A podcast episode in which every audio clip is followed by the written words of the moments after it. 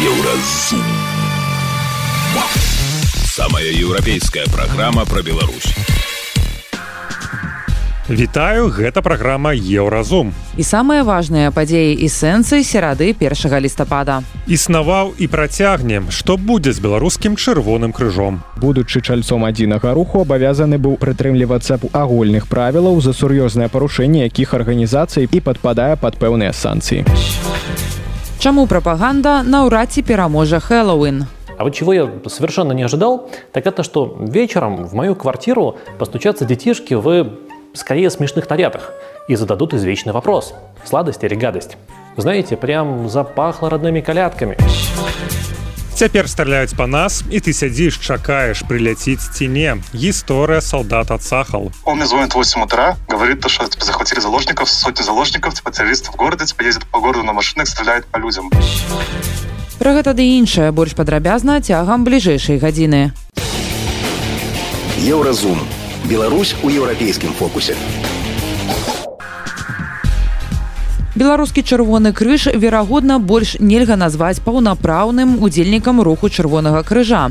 Але гэта не значыць што арганізацыя застанецца зусім без грошай У беларускім таварыстве чырвонага крыжа адмовіліся адхіляць свайго генсакратара Дмітрая Шаўцова. Праз гэта таварыства сутыкнецца санкцыямі. Месяц таму міжнародная федэрацыя чырвонага крыжа заклікала да адстаўкі шаўцова. У арганізацыі правялі расследаванне і прыйшлі да высновы, што чыноўнік парушыў прынцыпы руху, правілы выкарыстання яго эмблем і палітыку добрасумленнасці, калі паехаў у так званую ДНР і незаконна вывозіў украінскіх дзяцей у Беларусь. Мы попросілі прававы аддзел нау пракаментаваць як будзе праходзіць развод з міжнароднымі партнёрамі. Паслухаем рэпартаж еўрарадыо. Юрыдычна беларускі чырвоны крыж не з'яўляецца і ніколі не з'яўляўся філіялам міжнароднага чырвонага крыжа. Ды і самога такога паняцця як міжнародны чырвоны крыж не існуе. Адразу адзначае эксперт у галіне міжнароднага гуманітарнага права на умовах ананімнасці БТЧК з'яўляецца нацыянальным таварыствам чырвонага крыжа ў беларусі створаным у адпаведнасці з мясцовым заканадаўствам. З'яўляецца сябрам міжнароднага руху чырвонага крыжа і міжнароднай федэрацыі чырвонага крыжа. Асобна існуе міжнародны камітэт чырвонага крыжа які ўваходзіць у рух.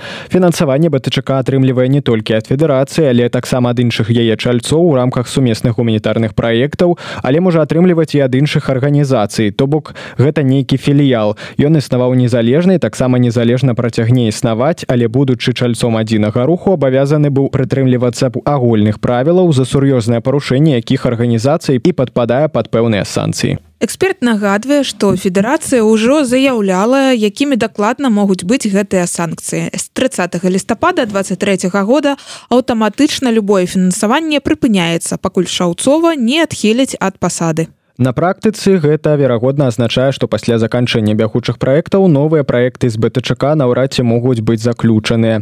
Аднак трэба памятаць, што гэта рэкамендацыя і ўмоўны РКК расійскі чырвоны крыж можа працягнуць супрацоўніцтва з БТЧК. Калі беларускі чырвоны крыж пазбавіцца сяброўству федэрацыі, ён страціць свае членскія правы, а значыць не зможа ўдзельнічаць у генеральнай асамблеі міжнароднай федэрацыі чырвонага крыжа або быць абраным на любым заканадаўчым паседжанні федэрацыі адукацыі. Наш суразмоўца мяркуе, што БТЧК цяпер верагодна нельга назваць паўнавартасным удзельнікам руху, А гэта значыць, што для яго прадстаўнікоў перспектывы ўдзелу ў канферэнцыях і іншых мерапрыемствах усяго міжнароднага руху чырвонага крыжа малаверагодныя. Напэўна, важна зазначыць, што ўсіх гэтых праблем можна было пазбегнуць. Цяперашняга генеральнага сакратара ў федэрацыі прызналі асабіста адказным за паездку на Донбас з з шаўронам. Ён ехаў туды адзін і не ўзгадняў гэтую паездку з беларускім таварыствам чырвонага крыжа. Таму для таго, каб пазбегнуць санкцыі і захаваць фінансаванне праектаў і кантакты, дастаткова было адхіліць і генеральнага сакратара. Але беларускае таварыства чырвонага крыжа на з'ездзе аднагалосна прагаласавала за тое, каб ён застаўся на сваёй пасадзе. Інфармацыйная служба еўрарадыё еўрарадыё кропка fm Далей у праграме еўразум Чаму прапаганда наўрад ці пераможа Хэллоуін А вот чего я совершенно не ожидал, так это что вечером в мою квартиру постучатся детишки в скорее смешных нарядах и зададут извечный вопрос – сладость или гадость. Знаете, прям запахло родными колядками. Цяпер стреляюць па нас і ты сядзіш чакаеш прыляціць ці не гісторыя солдат отсахал Он мне звонит в 8 утра, говорит, то, что типа, захватили заложников, сотни заложников, типа террористов в городе, типа ездят по городу на машинах, стреляют по людям. сустрэнемся пасля навінаў спорту Еўразум. Беларусь у еўрапейскім фокусе.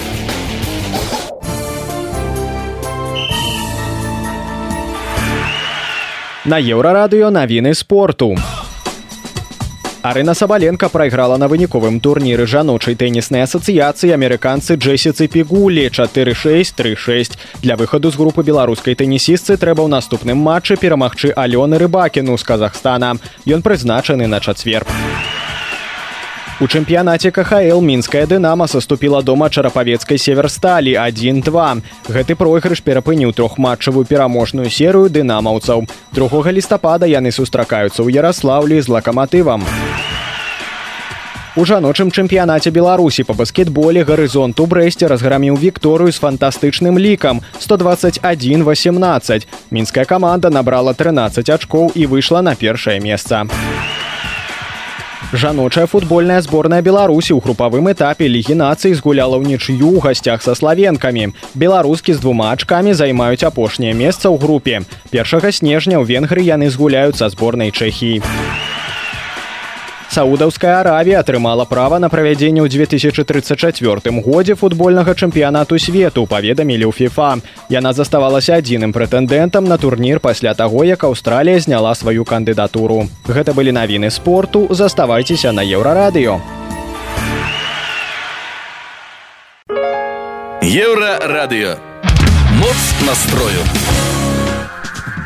31 кастрычніка напярэдадні хрысціянскага дня ўсіх святых свет адзначыў міжнароднае народнае свята хэллоуин традыцыі якога ляжаць у старажытнай кельцкай культуры Па еўрапейскіх і амерыканскіх гарадах і мястэчках весела шпацаравалі пераапранутыя ў монстрыкаў дзеці і падлеткі.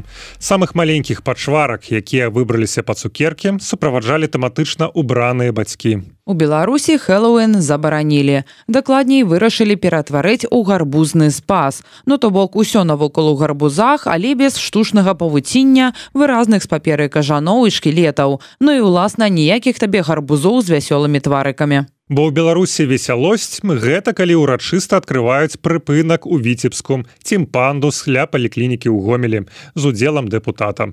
Ну праўда навошта нам монстры калі ёсць дэпутаты? Ну а прапаганда з кожным годам толькі падвышае градус барацьбы за традыцыйныя каштоўнасці і змагання з уплывам заходніх традыцый на беларусаў Але што з гэтым не так? І чаму хэллоуін гэта зусім не тое пра што кажа прапаганда. Год таму на youtube канале бацюшка адкажа выйшаў ролик у якім праваслаўны святар александр кухта дае адказы на гэтыя пытанні. Змест ролика актуальны і сёння. Таму паслухаем. У белорусской пропаганды, как и у любой другой, все пропаганды работают одинаково. Есть много жупелов, которыми она объясняет, почему у нас все хорошо и правильно, а у них на Западе плохо. Чего стоит история про то, что люди в Европе мерзнут, потому что топить нечем. И чтобы согреться, они бегают вверх-вниз по лестницам и рубят на дрова старую мебель.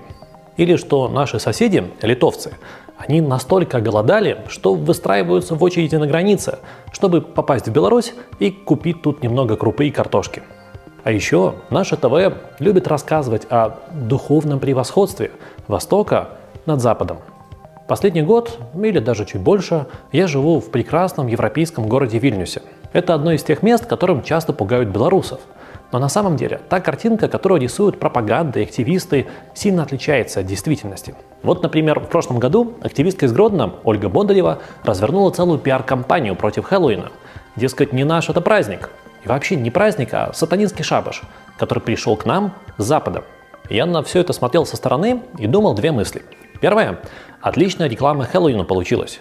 Благодаря яркому инфоповоду, ярким заголовкам, которые обеспечила Ольга, никто не забыл про этот день. А вторая мысль. Мне было очень интересно своими глазами увидеть, как оно на самом деле. И я пошел смотреть. Итак, Хэллоуин – это международный праздник, который подарили нам те же люди, что подарили миру скотч и гельский футбол, то есть кельты. Хэллоуин празднуется 31 октября, и сразу за ним Вот хороший вопрос. Это специально так сделали или оно само получилось? Но сразу за ним на следующий день христиане отмечают День всех святых. То есть два события как бы сливаются. Но это разные праздники. Один христианский, а другой народный, кельтский, который так понравился людям, что они начали на нем зарабатывать. Все эти скелеты, маски, глаза и мозги, желатина – это же не бесплатно. Все эти штуки появились в массовой культуре только потому, что они хорошо продаются. А Хэллоуин сам по себе, такой, как его задумали кельты тысячу лет назад, это обычный народный праздник. Новый год по кельтскому календарю. Что-то вроде наших колядок. В любой культуре, у любого народа вы легко найдете что-то подобное. А я тем временем ходил по Вильнюсу и смотрел на прохожих. И знаете, всем было плевать. Для большинства людей это был обычный понедельник, и все спешили домой. Никто не устраивал хэллоуинские оргии на главной площади, не рисовал пентаграммы и не занимался черной магией.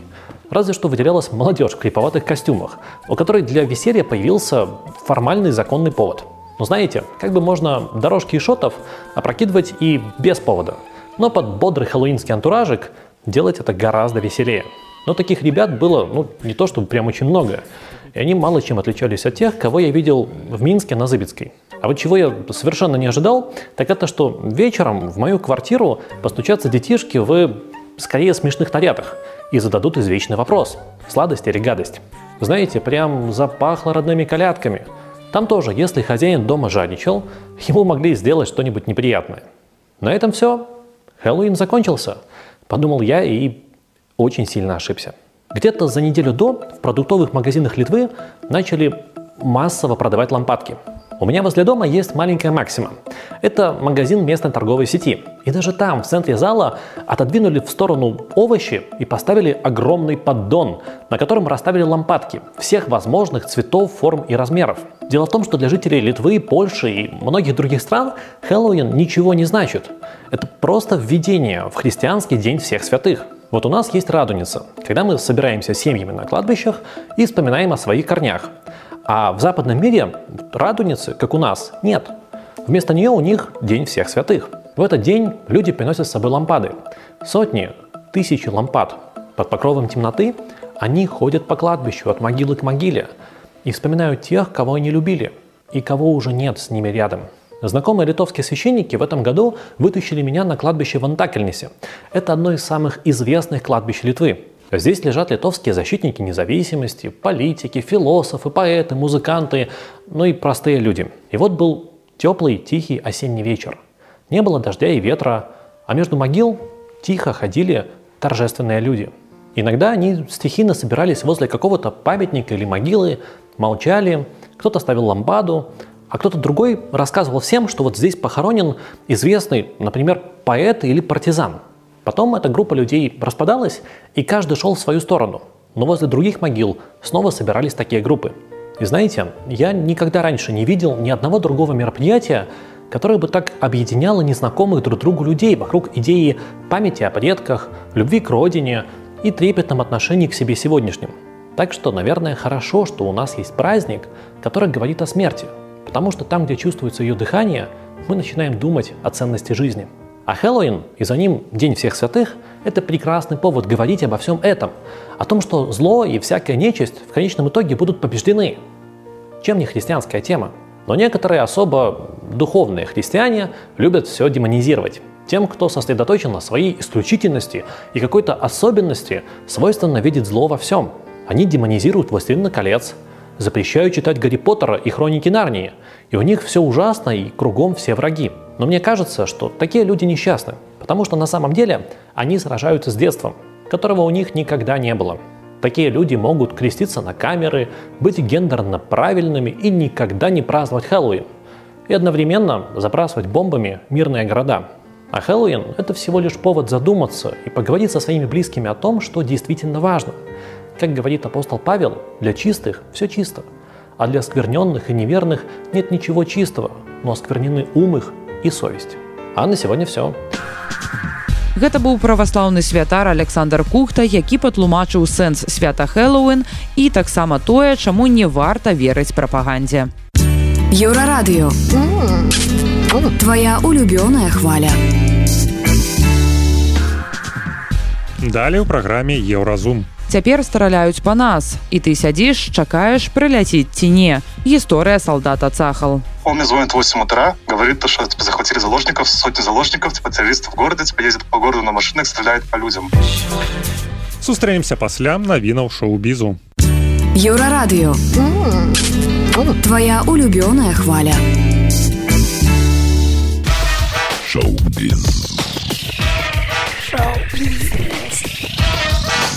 Miłosz.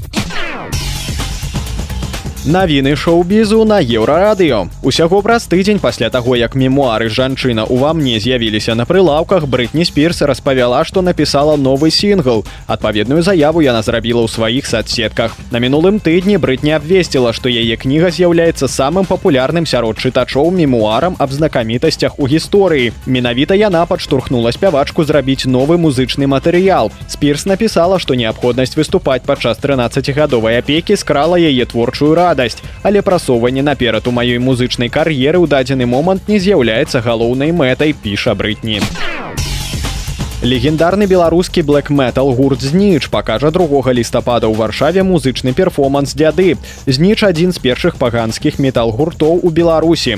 Быў створаны восенню 96 -го года. За час свайго існавання музыкі ладзілі выступы на розных фестывалях і канцэртах як у беларусі так і за мяжой. Выкарыстанне аўтэнтычных інструментаў спалучэнне традыцыйных вакальных тэхнік і моцнага гроўлінгу адрозніваюць калектыў ад многіх прадстаўнікоў стылю. у The Rolling Stones афіцыйна сталі першым гуртом, чые альбомы траплялі ў дзясятку лепшых альбомаў ЗША за кожнае дзесяцігоддзе, пачынаючы з 1960-х гадоў. Іх апошняя студыйная плытка Хэкней Дайманс, якая выйшла 20 кастрычніка, дэбітавала ў чарце альбомаў Billboard 200 под нумаром 3. Гурт, у складзе якога ў цяперашні час уваходзяць Мік Джагер, Кіт Рычардс і Роні Вуд упершыню трапілі ў дзясятку лепшых альбомаў чарта Billboard 200 ў 1964 годзе. Шоу Никет Найт на тэлеканале Нікелодзіан выпускае адмысловы трыб'ют нябожчыку Мэтью Пэры пад назвай Мэтью Пэры дзякуй за тое, што ты быў сябрам. 30хвілінная праграма выйдзе ў эфір у нядзелю 5 лістапада. Пасля яе пакажуць любімыя прыхільнікамі эпізоды культавага серыяла Фрэнс, дзе актор згуляў ролю вясёлага і саркастычнага чэндлера Бінга. У гледачоў будзе магчымасць паглядзець інтэрв'ю з пэры, якія раней не публікаваліся, а таксама закулісныя кадры з яго знаходжання ў серыяле. Гэта былі навіны шоу-бізу, заставайцеся на еўрарадыё.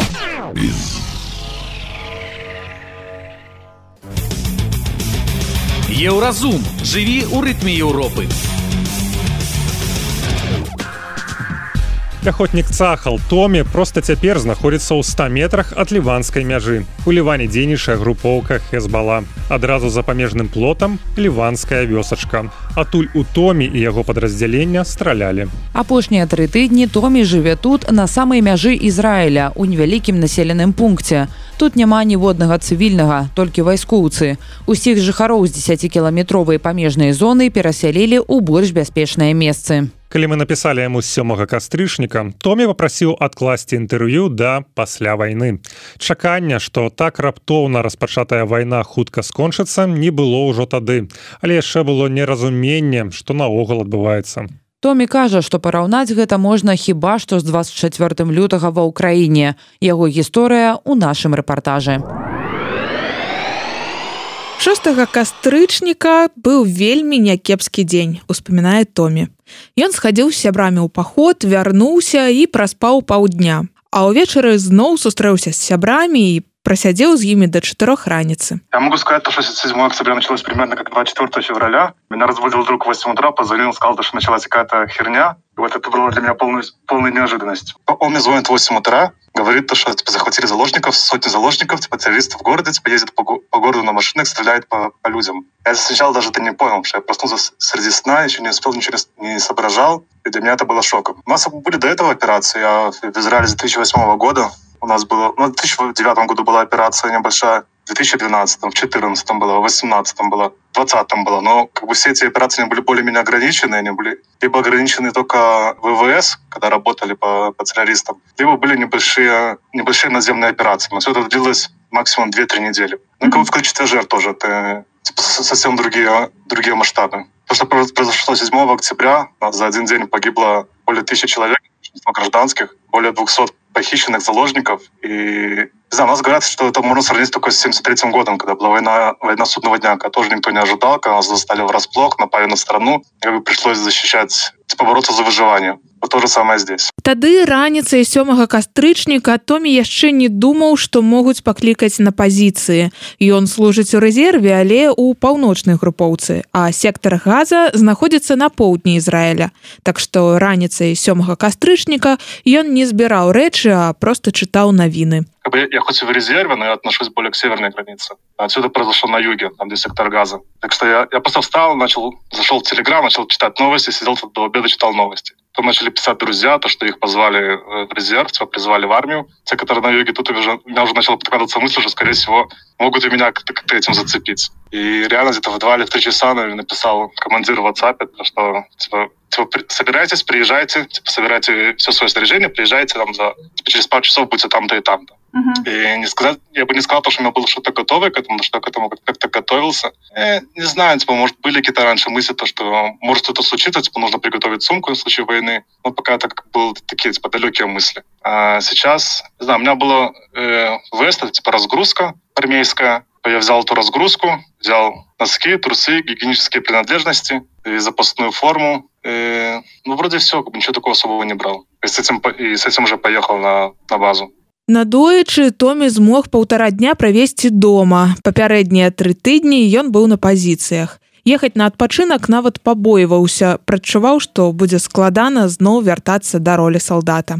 Э, Самое большое, почему скучаю, просто я хотел поспать голым в кровати нормально. Потому что мы здесь сидим, мы два, мы, я не преувеличиваю, мы 2-4 часа сидим в ботинках армейских и в снаряжении. Типа нам, нам как бы нельзя это снимать. В случае чего, типа, мы должны быть готовы. Uh-huh. И когда три, три недели сидишь в таком в таком снаряжении, у нас еще как бы зима особо не началась, у нас 30 плюс градусов, постоянно потные, мокрые, грязные. Это наверное, сам, самое большое, что я хотел. Uh-huh. В плане еды как бы у нас более-менее, более нормально. Типа мы армянскую еду особо не едим, но нам тут гражданские привозят, типа подкармливают нас. Там и домашняя еда есть, и еда с ресторанов. То есть в этом плане мы укомплектованы. И когда я выходил домой, я тоже не знал, типа, насколько я хочу выходить домой. Типа, с одной стороны, я, да, хотел выйти домой отдохнуть, но, с другой стороны, было страшно, потому что я приеду домой, я посмотрю на, типа, на гражданскую жизнь, которая относительно спокойная у нас была, как будто, как будто особо ничего не происходит. Мне было очень тяжело возвращаться. Возвращаться мне было потом нормально, но вот когда я уже приехал обратно на базу, мне как да, было немного тяжело. Я, я за эти полтора дня очень сильно привык к дому, очень сильно привык к гражданке, я здесь тоже где-то взял, где-то, не знаю, на полтора-два дня, чтобы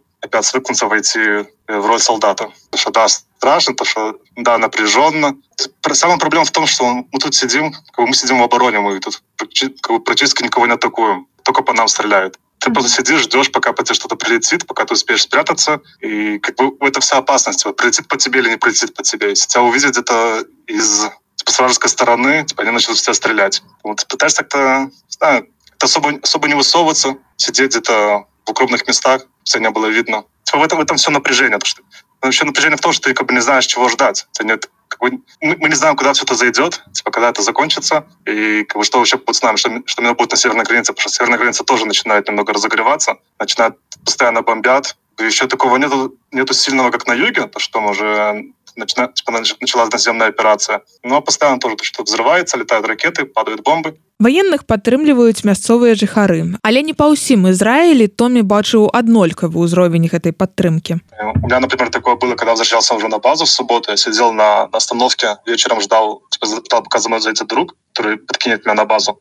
Почти, ну, не знаю, много машин, которые приезжали, они сигналили, типа, говорили добрые слова. Были две, две девушки, которые тоже подъехали, спросили, сколько я здесь буду сидеть. Я говорю, ну, не знаю, типа, еще, может, минут 30-40. Они такие, окей, мы сейчас подъедем, привезем тебе ништяков. И они реально минут через 20 приехали, привезли две пиццы, две, две бутылки колы. Класс. Это было приятно. Да, а вот когда я возвращался домой, я живу в Хайфе, это северный такой, достаточно большой город. Я бы сказал, что до меня кто-то вообще обращал внимание, пока я там ходил в форме. Вот это, это меня удивило не знаю, может, может просто такой более, более светский город или более типа, тихий, спокойный, потому что в Хайфе не заметил, что вообще типа, что-то изменилось. Город живет своей жизнью, особо ничего не происходит, типа, все живут как и раньше. Першы тыдзень Томі пастаянна сядзеў у тэлеграме і чытаў навіны. Цяпер таксама чытае, але менш. З хлопцамі часцей гавораць пра дробязі ці пра справу, што рабіць, калі нападуць, якія пазіцыі займаць, калі будуць абстрэльваць. Мы пытаемся, ці абмяркоўваюць яны гуманітарную катастрофу ў газе, але тут Томі кажа катэгарычна, маўляў, за пакуты мірных жыхароў адказны Хамас. Сярод знаёмых томі не вельмі шмат арабаў але ён прызнаецца што ў многіх у ізраілі былі асцярогі што арабскае насельніцтва падтрымае тэракты хамас. Але пасля таго што здарылася кажа томі арабы паводзяць сябе вельмі ціха. Магчыма яны самі ў шоку ад таго што адбылося ад таго як забівалі і катавалі мірных жыхароў. Мы пытаемся ў томе ці абмяркоўваюць яны гуманітарную катастрофу ў газе пра якую наўпрост цяпер пішуць усе сусветныя медыа больше еще беспокоит именно состояние экономики mm-hmm. израильской. И я не знаю, что когда вернусь домой, типа, как это отразится на, на работе. Это меня больше всего волнует. Как, как будут зарплатами, как вообще будут работами. Я, я работаю э, в Айтеке, и работа в Айтеке зависит от инвестиций, инвестиций из-за границы. Вот сейчас я смотрю, в последнее время инвестиций стало меньше, uh-huh. и экономика, скорее всего, тоже будет проседать. Поэтому типа, это то, что меня больше волнует. На первом месте меня волнует вернуться живым, на втором месте меня волнует именно, именно работа и экономическое состояние, скажем так Інфармацыйная служба еўрарадыё. Гэта была праграма Еўразум, штодзённы інфармацыйны падкаст еўрарадыё. Кожны дзень мы распавядаем вам пра самыя галоўныя навіны Беларусі і свету. А сённяшні выпуск скончаны. Беражыце сябе. Пачуемся. Еўразум. Самая еўрапейская праграма пра Беларусь.